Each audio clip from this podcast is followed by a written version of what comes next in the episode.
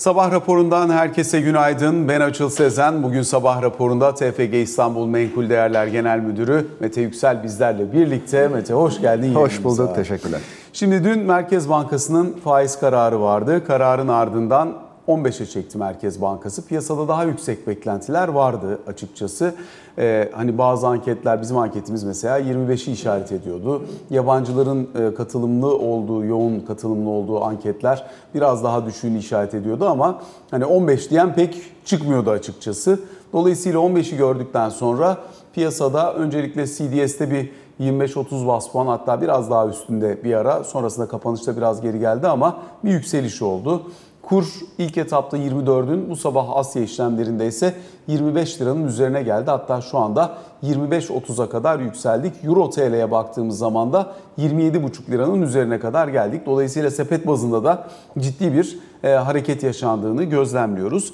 E, diğer taraftan da hani Borsa İstanbul'da bankalar biraz negatif ayrışmakla birlikte özellikle hisse senetlerinin sanayi tarafında ya da döviz geliri olduğu düşünülen şirketler öncülüğünde sert bir yükseliş, %4,5'un üzerinde bir artış, 5428 puandan kapanış.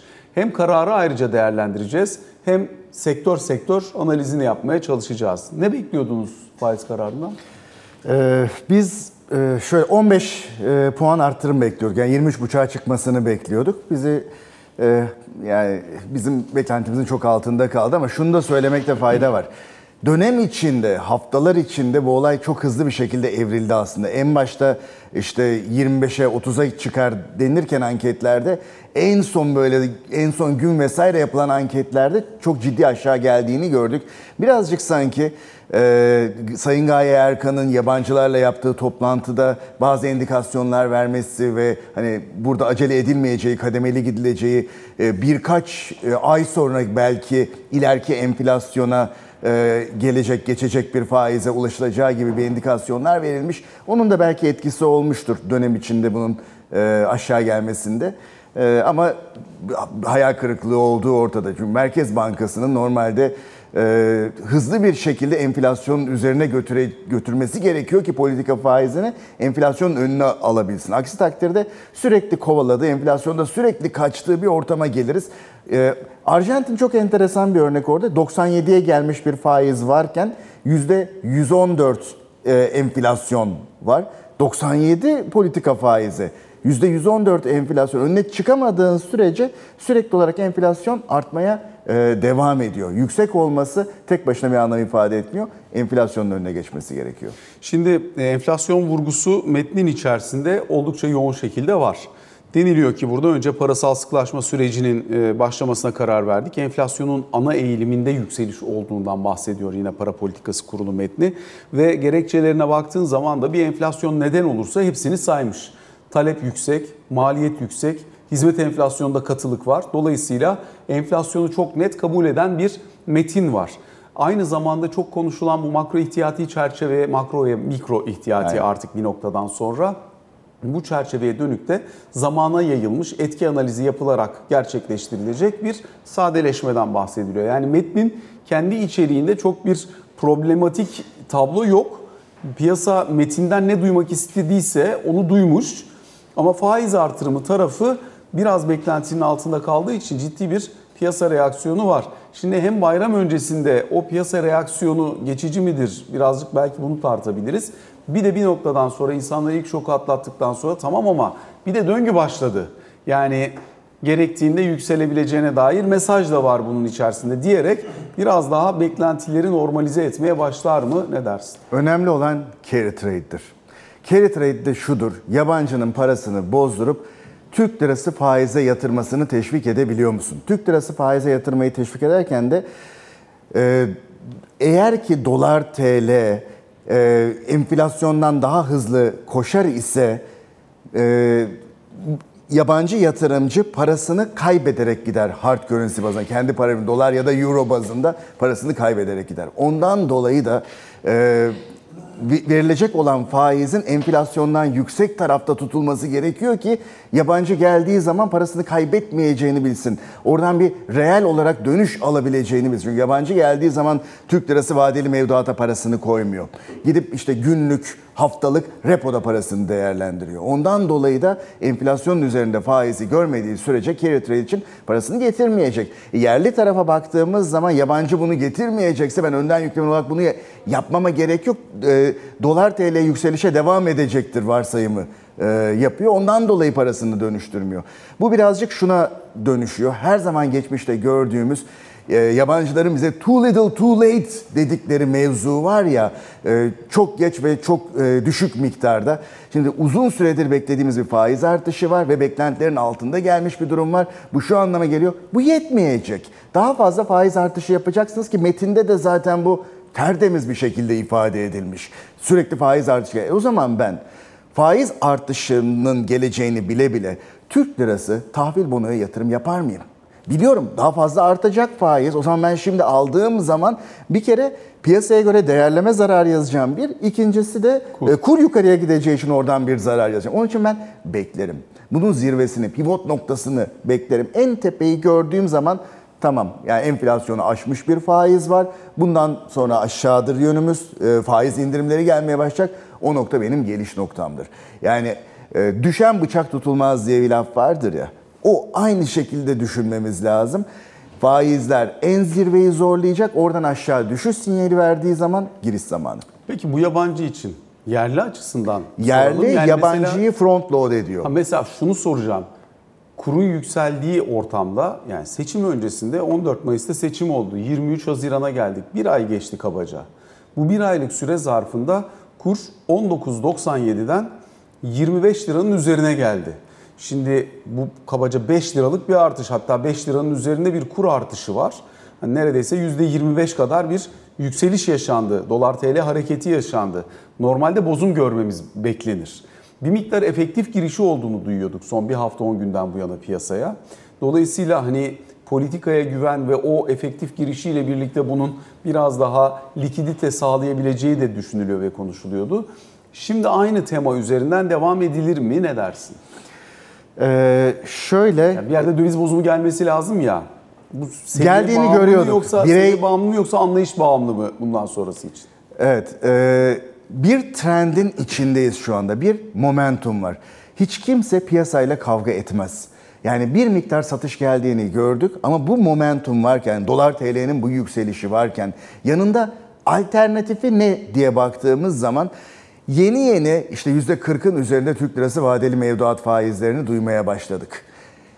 Bugün geldiğimiz enflasyon geçmişe doğru baktığımız zaman %41'ler civarında. 40 mevduat faiz var bunun üzerinde stopajı vesaire var. Neti 40'a gelmiyor bunun.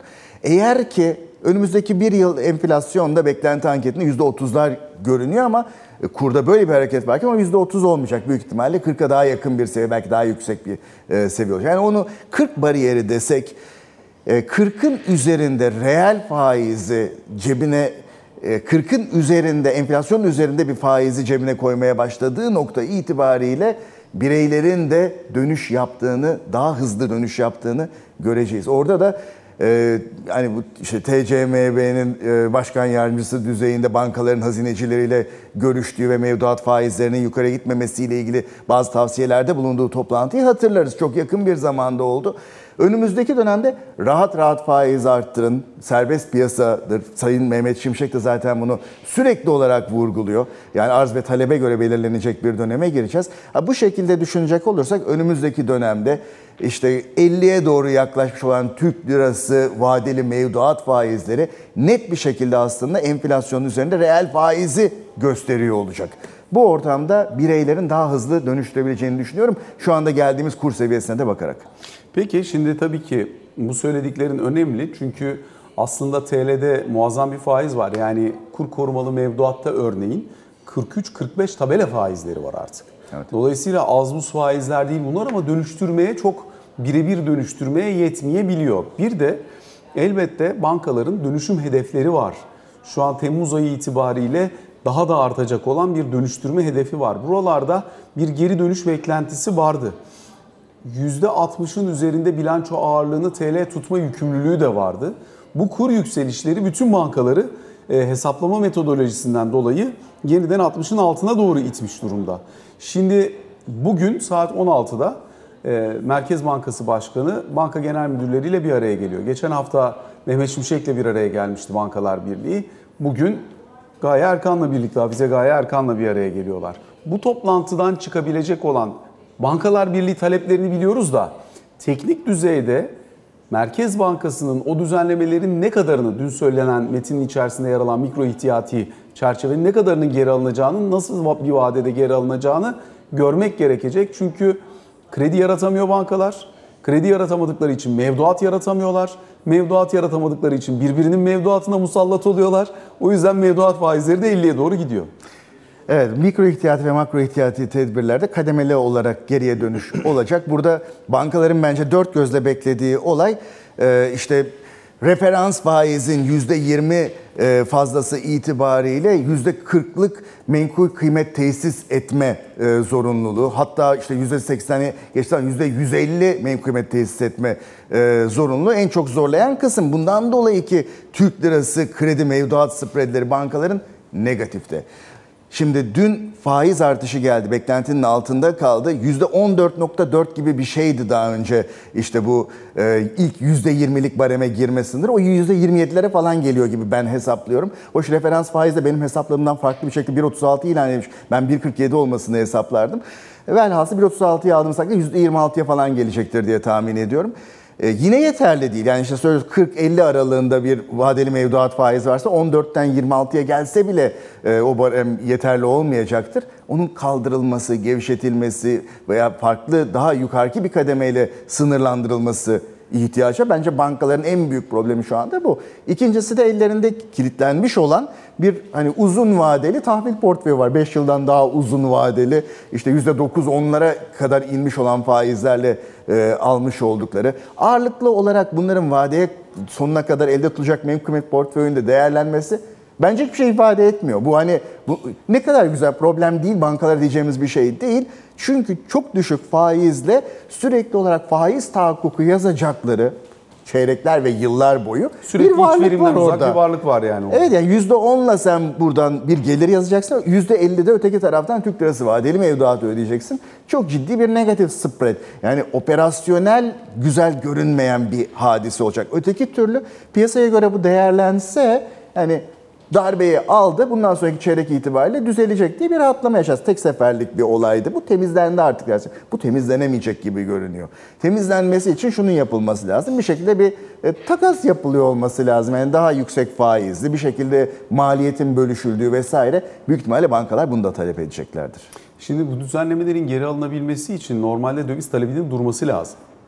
O döviz talebinin durabilmesi için de yani evet bireysel bir süredir hakikaten efektif girişi de biraz önce söylediğim gibi vardı. Ufak ufak bozum da geldiğini duymaya başlamıştık. Ee, burada hani daha önceki ilk %7'lik hareketini olduğunda şirketlerin alımları çok doğrudan belirleyiciydi. Şimdi alıcı satıcı, bireyselin e, satışı, işte kurumların alışı birbirini dengeleyebilir boyuttayken biz bu toplantıya girdik. Şimdi bundan sonra bu dengenin bozulmasını bekler misin? Yeniden bir hani bu tarafta özellikle dövize yönelim ya da bozum iştahının yani bugün satarsam ucuza satmış olurum bakış açısıyla daha hakim olacağı bir ortam riski var mı? Var tabii ama en azından şunu görüyoruz. Ee, bundan bir ay öncesinde görmediğimiz bir olay. Ee, alım satım arasında çok büyük spread varken ya da bankalar arasında serbest piyasa çok büyük spread varken e, bireyler özellikle bireyler tabii kurumlarda satma konusunda süper temkinliydim. Sattığım takdirde yerine geri koyamam. Arada çok büyük mesela onun için satmayayım. Aradaki spreadin düşük olması ve serbestle bankalar arasında e, bir araya gelmiş olması en azından yani fırsat gördükçe bunu yapmasını getirecektir. Her iki tarafında getirecektir. Kaldı ki bir de şu da var. E, faizler düşüktü. Bulunabilirlik tartışma konusu ama faizler düşüktü. Kredi kartında verilmiş olan limitler vardı zaten geri alınamayan. Orada e, bireyler kullanıyordu. Şimdi eğer kredi kartının aylık faizleri 1.36'lardan 2'ler civarına geldiği noktada bireyler diyecek ki ya bu çok pahalı. En son enflasyon işte 0.65'ti. Bu enflasyon çok üzerinde ben bir faiz ödemeye başladım.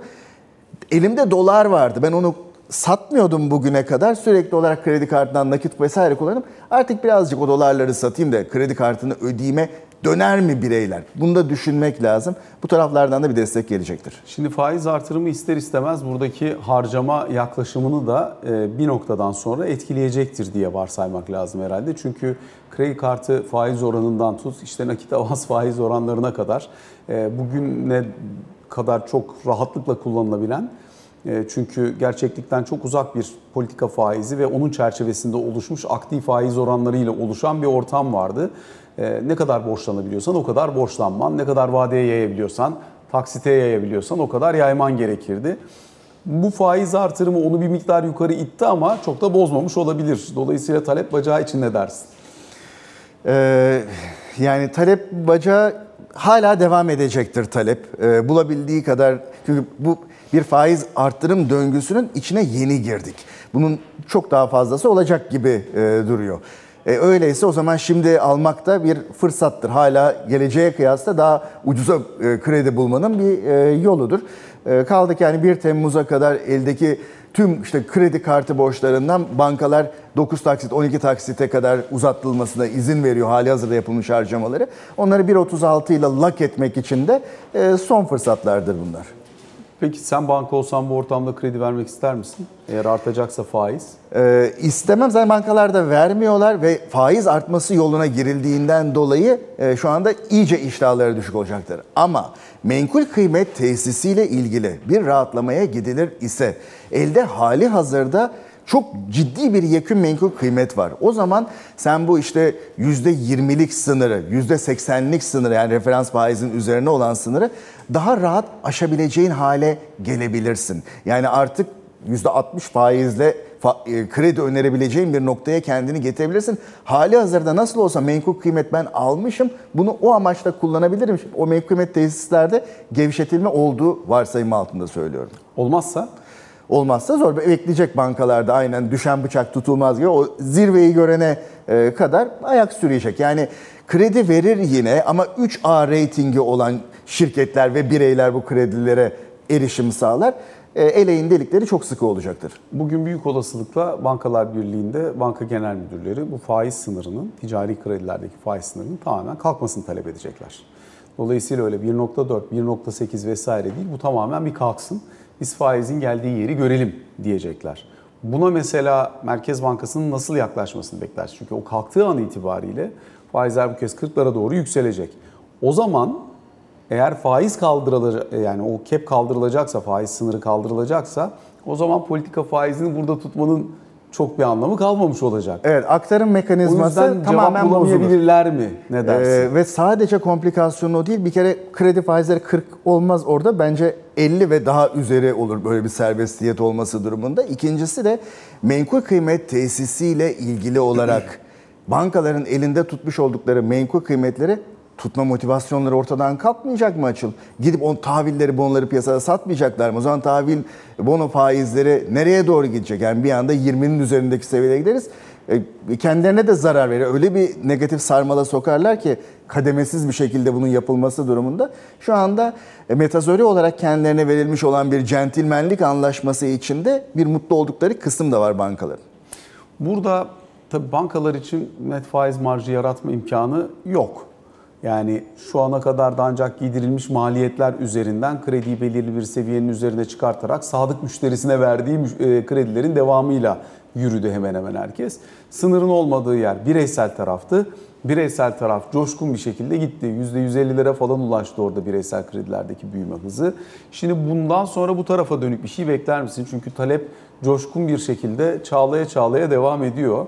Kuru yükselişi de özellikle tabii ithal mallar üzerinde fiyat artışı yaratacağı için yakalayan yakaladığı ithal malı bugünden e, almaya çalışıyor. Evet, önden yüklemeli olarak alıyorlar. Bireyler bu tüketime e, büyük ihtimalle devam da edeceklerdir. E, özellikle 1 Temmuz'a kadar ki işte 1.36 faizin devam ettiği kredi kartı döneminde çok fazla önden yüklemeli olarak bu tarz alışverişlerin olmasını bekleriz. O da cari işlemler açığı üzerinde ekstra bir yük oluşturacaktır. Doğrudur. Peki bu ortamda banka alır mısın? Bankalardaki en büyük problem şuydu. E, Türk lirası taraftaki e, negatif kredi mevduat makaslarıydı. Şimdi e, bu negatifliğin dibini taradığımız ve yukarıya döndüğümüz bir dönem içine gireceğiz. Artık 14'lerle 15'lerle ticari kredi zaten faiz arttırıldığından dolayı otomatik olarak verilmeyecek. İşte 26'lara vesaire çıkacak o. Üzerine de birazcık da o tarafta esneklik bugün alınabilirse daha da iyi faizlerle vermeye başlayacaklar. Bir kere o taraf yavaş yavaş geride kalacak. Faiz arttırımlarıyla ilgili eğer ki bir bazuka faiz arttırımı gelseydi, işte 25'lere 30'lara gitseydi politika faizi, onun en büyük komplikasyonu bankalar için aktif kalitesi tarafında olacaktı. Çünkü yükselmiş o çok ciddi yükselmiş olan faizler ekonomiyi yavaşlatacak, şirketlerin aktivitesi yavaşlayacak, şirketler de borçlarını daha zor öder hale geleceklerdi. Bireyler de keza 1.36 ile aylık ödemek kolay ama o zaman 3'lere çıkacak bir durumdan söz edecektik. O zaman fevkalade zor olacaktı. Onun olmaması aktif kalitelerini de koruyacaktır bankaların. Aksi duruma kıyasla konuşuyorum. Ondan dolayı bankalar aktif kalitesi daha iyi gidecektir. Spreadler daha iyi gidecektir. E, bu ortamda da hani değerlemeleri de zaten ucuz. Bunları da yanına koyduğumuz zaman alırdım. Ne alırsın? Özel büyük bankalardan bir sepet taşırdım. Hangisini daha çok ağırlıklandırarak taşırsın? Yani ben e, daha çok e, Garanti Bankası'nı daha çok beğeniyoruz biz kurum olarak. E, işte likidite karşılama oranının %200'ün üzerinde olmasını seviyoruz. Likit varlıkların toplam varlıklar içindeki payının %20'den fazla olmasını seviyoruz. Net faiz gelirlerinin işte %60'ından daha fazlasını nakit olarak tahsil etmesinden dolayı.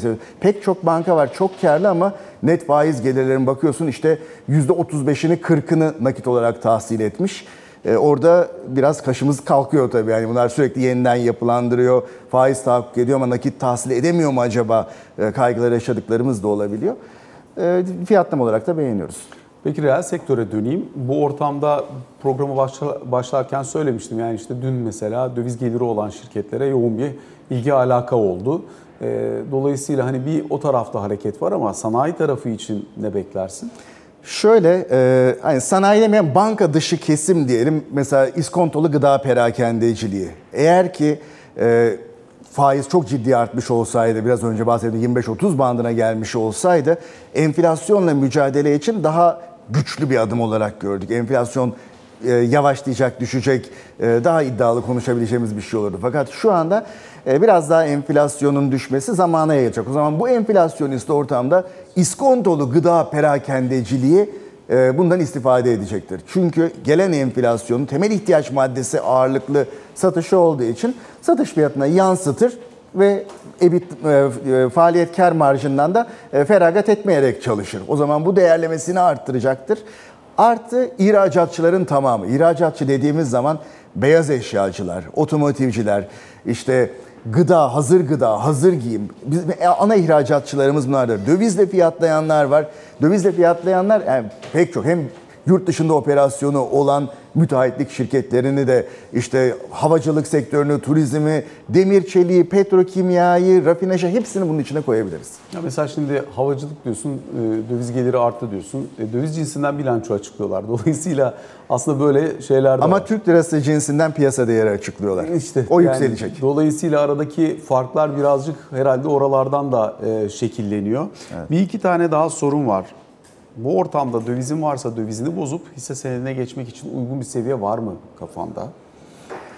Her zaman hisse senedinde fırsatlar oluyor. Tema e, değerlemeyi de döven bir şeydir. Teması güçlü yani ihracatçı şu anda bu kurla ihracatçı teması net bir şekilde var. O tarafta fırsatlar var. Topyekün Borsa İstanbul endeksini aldım bekleyeceğim enflasyondan da daha fazla getiri sağlayacağım diye bir şey yok artık. Onun için süper selektif olmak lazım. Endeks almayacaksın, hisse bazına bakacaksın. Hisse bazına bakacaksın. Endeks aldığın takdirde yükselirsin. Yukarıya gider. Sadece enflasyonu çıkartacak kadar yükselmezsin. Shortladığın zaman yanarsın ama. Shortlamayacaksın ama alternatif getiri aracının ne getirisi var? Yani Türk lirası vadeli mevduat. Yani bir yer bana 50 veriyorsa ben borsaya koymayı tercih etmem parayı. Yani çünkü 50 var yani. Faiz tarafı mı yoksa hisse mi dersem? Bana yok sana var ama olan kesim varsa 50 Türk 50 lirası vadeli 45 var mevduatta işte alacak. Ben tavsiye ediyorum onlara borsadaki e, yatırımlarını azaltsınlar. 50 ile Türk lirası vadeli mevduata koysa eğer var ise böyle bir alternatifleri. Niye olmasın ki? Belirli e, büyüklüklere göre veriliyor o Türk lirasında vadeli mevduata faiz. işte şeyde KKM'de var yani yüzde 43-45 e, faiz. Yani bırak şeyi hani düz mevduatı ki oralarda zaten var. Evet, stopaj da 40'lara gelir. O da başa baştır aslında. Hani enflasyona en azından denktir gibi hissedip o tarafa da geçiş yapan eminim vardır. Beni cezbetmez ama. Yani ben hani 50 alırsam bozdurmayı düşünürüm öyle söyleyeyim. Anlıyorum. Peki son not. Ee, bu ortam tabii faizin yükseldiği ortam.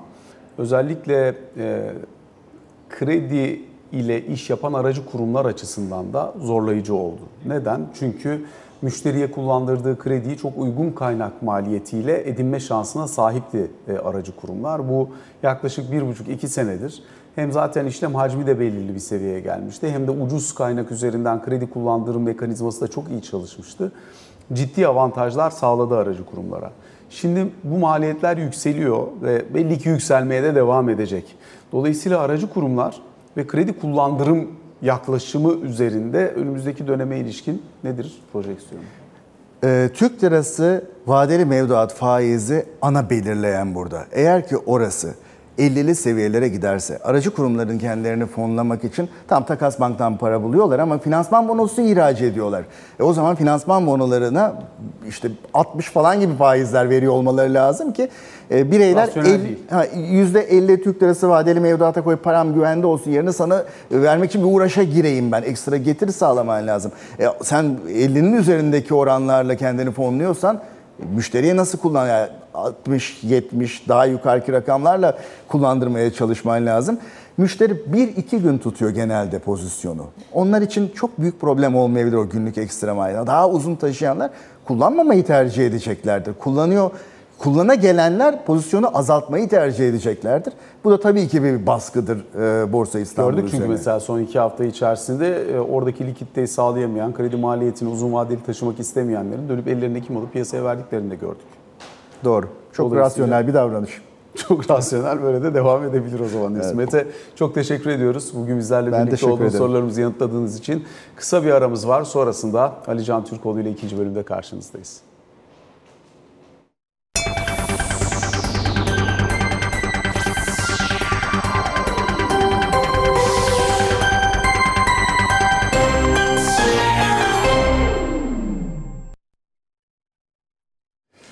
Sabah raporunun ikinci bölümüyle karşınızdayız. Ali Can Türkoğlu ile birlikteyiz. Ali Can günaydın. Günaydın. İlk etapta bir düzenleme regülasyon bacağıyla başlayalım. Ee, kira artışlarını %25 ile sınırlayan düzenleme Temmuz itibariyle sonlanıyordu. Uzatıldığını görüyoruz. Bayram sonrası da yasalaşacak gözüküyor. Zaten beklentiler bu yöndeydi. Daha önceden açıklamalar da yapılmıştı. Dolayısıyla burada e, yeni olan konu mesela o düzenleme içerisinde torba yasayla beraber gelecekler. E, Gelecek düzenlemede. E, Eylül'den itibaren kira davaları dava açılmadan önce mesela arabuluculuğa gidecek. Böyle bir e, arada yeni bir düzenleme var. Bir de mesela e, aynı yani Adalet Bakanlığı'nı ilgilendiren torba yasanın içindeki maddelerde anladığım kadarıyla bir de 4 Temmuz tarihinden itibaren noterlerde e, gayrimenkul satışı, taşınmaz satışı yapılabilmesine izin veriliyor. Dolayısıyla burada kira artışının 2 Temmuz'dan itibaren %25 sınırın %25 olarak devam etmesi var. Artı açılacak davalarla ilgili olarak da dava açılmadan önce bir arabulucu mekanizmasının e, işletilmesi yönünde bir karar alınmış. Eylül'den itibaren davaların azalacağı yönünde bir e, beklentisi var e, Adalet Bakanlığı'nın ama önümüzdeki süreçte göreceğiz. Burada farklı beklentiler de vardı. %25 artar mı, büyük şehirlere e, ayrı bir uygulama gelir mi diye gördüğümüz kadarıyla böyle bir uygulama yapılmamış. Peki e, bu arada emekli maaş artışlarıyla ilgili bir şey duydun mu hiç? Bu en düşük emekli maaşı o, zaten en düşük emekli maaşının yükseltilmesi var da. 7500 özellikle- liranın üzerinde alanların kademeli artışıyla Evet. ilgili var. O torba yasanın içinde gelecek zaten o. Şimdi bayramdan sonra Türkiye Büyük Millet Meclisi'ne sevk edilecek torba yasanın içerisinde e, bildiğim kadarıyla e, en düşük memur maaşının 22 bin liraya çıkarılması var. Artı emekli maaşları ile ilgili olarak da 7500'ün üzerinde alan yani en düşük emekli maaşı olan 7500 liranın üzerinde alan emeklere kademeli artışın olacağı e, bir e, yasa maddesi var ama bu artışın hangi ölçütte olduğuna ilişkin henüz bir bilgi yok. Çalışma Bakanlığı'ndan bununla, bir, bununla ilgili bir açıklama yapılmadı. Bu arada emekli aylığında tabanın 7500 olarak konulmasının sebebi asgari ücrette rakamın 8500 olmasıydı. Asgari ücret gitti 11400'e. Dolayısıyla şimdi aradaki makas bir kez daha açılmış oldu. Burada yeni bir şey beklenir mi beklenmez miydi tartışılır. Temmuz'da en düşük emekli maaşı ile ilgili ben yeni bir şey olmasını beklemiyorum. Ama Ocak ayından itibaren onunla ilgili yeni düzenleme yapılacaktır. Ben ilk, benim bildiğim kadarıyla ilk yapılacak düzenleme emekli aylıkları ile ilgili olarak 7500'ün üzerinde alacaklara e, kademeli artışın sağlanması Arazam? ile ilgili bir formül. Asgari ve emekli Emekli emek- maaşı için arazan. Konuşuluyor ama torba yasanın içerisinde var mı onu da bilmiyorum.